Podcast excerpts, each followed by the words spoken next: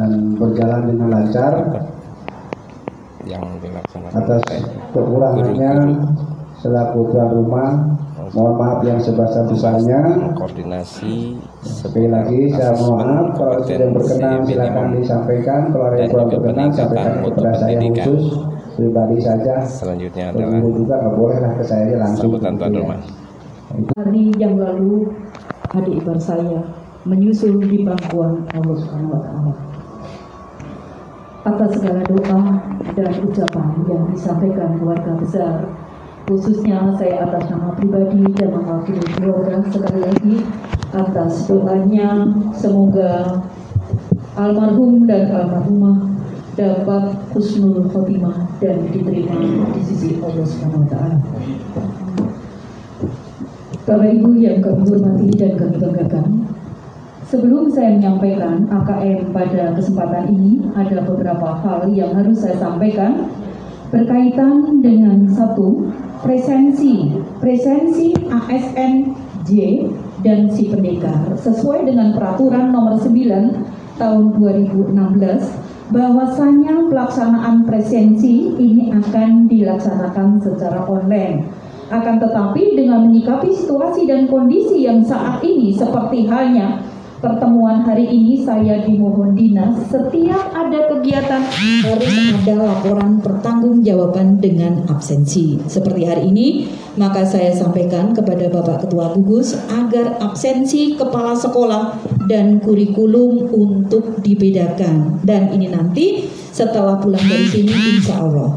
Absensi basah. Pada hari ini akan kami aturkan kepada Dinas Pendidikan. Oleh karena itu, eh, kepada Bapak Ibu yang pada kesempatan ini barangkali eh, dari kurikulumnya kepala sekolah tidak memutus dutanya untuk hadir dalam sosialisasi hari ini, mungkin barangkali bisa dikondisikan. Ini setiap event ya Bapak, saya sekali lagi karena ini menyangkut uh, kinerja Bapak Ibu sekalian, saya mohon dengan segala hormat Bapak Ibu bisa menyikapi apa yang telah disampaikan. Nah, kaitannya dengan uh, presensi J, sebetulnya ini banyak peraturan-peraturan yang memang harus disosialisasikan kepada Bapak Ibu. Akan tetapi karena hari ini saya menyampaikan AKM aja sudah harus menyampaikan sekitar 30 1 sampai 37 slide. Jadi kalau misalnya nanti pada saat waktu yang ada ini memungkinkan, insya Allah kami akan bahas tentang presensi ASNJ dan si pendekar. Kita kira misalnya Bapak Ibu, dan kami mempunyai harapan seperti ini Bapak Ibu. Bagaimana seandainya tunjangan profesional itu tidak hanya ASN saja yang kita terima. Tetapi saya mengharapkan termasuk guru-guru, Bapak e, Ibu, e, keluarga besar di sekolah masing-masing seandainya seandainya kita usulkan yang belum dapat tunjangan profesional segera kita ajukan. Itu harapan saya untuk ke depannya. Nah, dengan adanya presensi apa dengan adanya permohonan-permohonan uh, yang ingin saya sampaikan, setidaknya saya juga mengharapkan untuk apa ya? Kinerja Bapak Ibu itu lebih ditingkatkan, lebih-lebih Bapak Ibu yang sudah mendapatkan tunjangan profesional setidaknya bisa menjadikan contoh acuan sebagai Engarso Sungtulodo Ing Matio Mangunkarso Tuturi Handayani. Setidaknya kita harus bisa memberikan contoh yang terbaik. Jangan sampai kita yang sudah mendapatkan tunjangan profesional tetapi kinerjanya kurang profesional. Sehingga ini akan mengimbas kepada teman-teman yang lain itu yang pertama kemudian yang kedua pada kesempatan ini banyak data Dopodi khususnya gugus 03 itu yang belum mengupdate data Dapodik.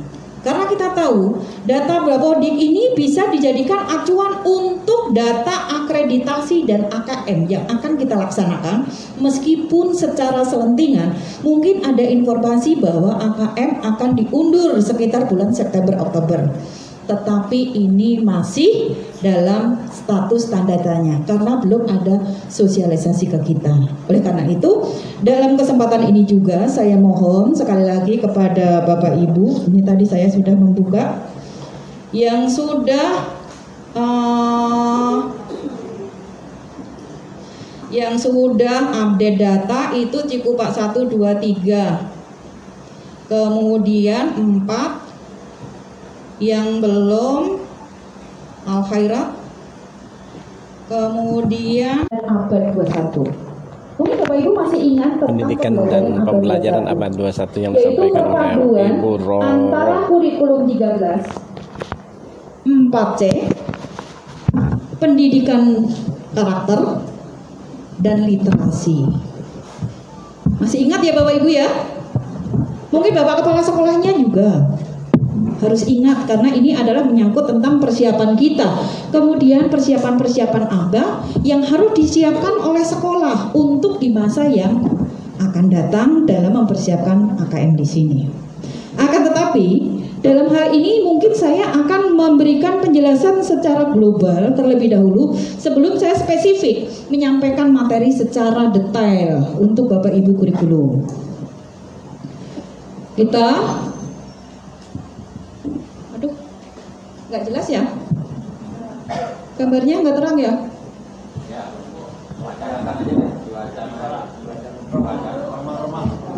Remang-remang ya? Biasanya remang-remang lebih indah dibanding di dalam proses AKM kita akan mengenal adanya proses atau komponen pembelajaran. Yang mana di dalam proses atau komponen pembelajaran kita akan mengenal tentang tiga faktor yang ada. Satu di antaranya adalah sadar kurikulum, kemudian yang kedua adalah pembelajaran, dan ketiga adalah asesmen. Nah, kurikulum di sini adalah menyangkut tentang harapan yang diideal dari masing-masing sekolah. Ini biasanya disesuaikan dengan visi dan misi yang ada dari masing-masing sekolah. Kemudian yang kedua adalah pembelajaran. Kalau kita membahas atau mengupas tentang pembelajaran, berarti kita harus mencapai bagaimana capaian proses pembelajaran. Kita menyangkut tentang input, proses, output. Inputnya bagaimana?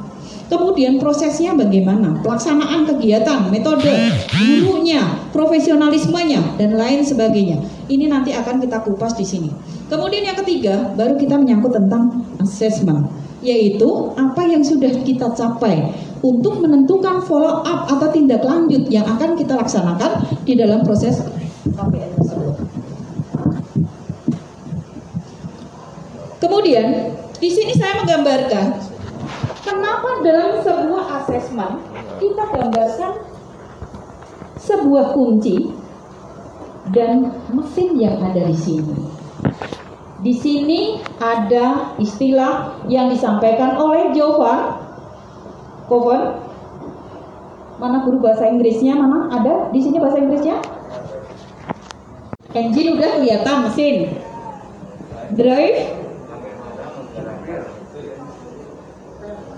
Ayo, ayo ini Bapak Ibu artinya apa ini? Nanti kita kupas berikutnya ya, baru kita jelaskan lebih lanjut.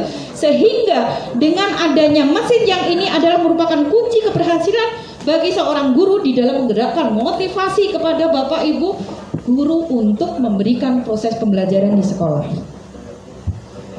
Kemudian, bagaimanakah paradigma dalam dunia pendidikan? Kita berawal dari UN, ujian nasional, mungkin ada di dalam zamannya saya. Kemudian dari UN berubah menjadi USBN. Nah, dalam proses USBN ini bertujuan untuk mengevaluasi capaian peserta didik secara individual. Berarti setiap individu mengerjakan suatu tugas itu secara individu. Bentuknya ada beberapa mata pelajaran yang harus diselesaikan. Kemudian yang kedua, dari UN dan USBN ini sekarang berkembang menjadi asesmen nasional. Nah, di dalam asesmen nasional ini adalah merupakan pemetakan dasar atau baseline kualitas nyata pendidikan. Khususnya di Indonesia untuk menghasilkan informasi. Informasi dari mana saja? Nanti kita kupas bersama. Kemudian dari hasil informasi kita gunakan sebagai evaluasi sehingga dari hasil evaluasi ini akan digunakan oleh Bapak Ibu guru sebagai perbaikan kualitas belajar mengajar. Enggak, di awal sudah menyinggung bahwa pembelajaran abad 21 itu meliputi Satu, K13, dua, 4C, Bapak Ibu masih tahu tentang pembelajaran dari lot ke hot? Masih ingat Bapak Ibu? Lot apa lot? Lot apa lot? Lot apa? Lockdown. Lot. Lot. Order. Thinking. Skill. Yaitu pembelajaran tingkat sederhana. Sehingga pembelajaran dari lot dari lot ke hot, hot berarti high, tinggi, berkualitas tinggi. Berarti kita pembelajaran dari C1, C2, C3, C4, C5. Nah, di manakah batas passing grade-nya? Bagaimana cara mengkondisikan Bapak Ibu di dalam proses KPM? Nah, ini yang harus kita kaji bersama. Kemudian di sini 4C ada creative thinking, mengcreate, mencipta. Apa saja yang diciptakan? Kemudian yang kedua adalah critical thinking and problem solving.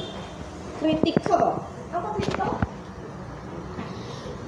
Demikian uraian singkat yang disampaikan oleh Ibu Romo dalam rapat koordinasi tentang asesmen kompetensi minimum AKM dan peningkatan mutu pendidikan. Semoga kita bisa menyimak dan bisa merealisasikannya. Assalamualaikum.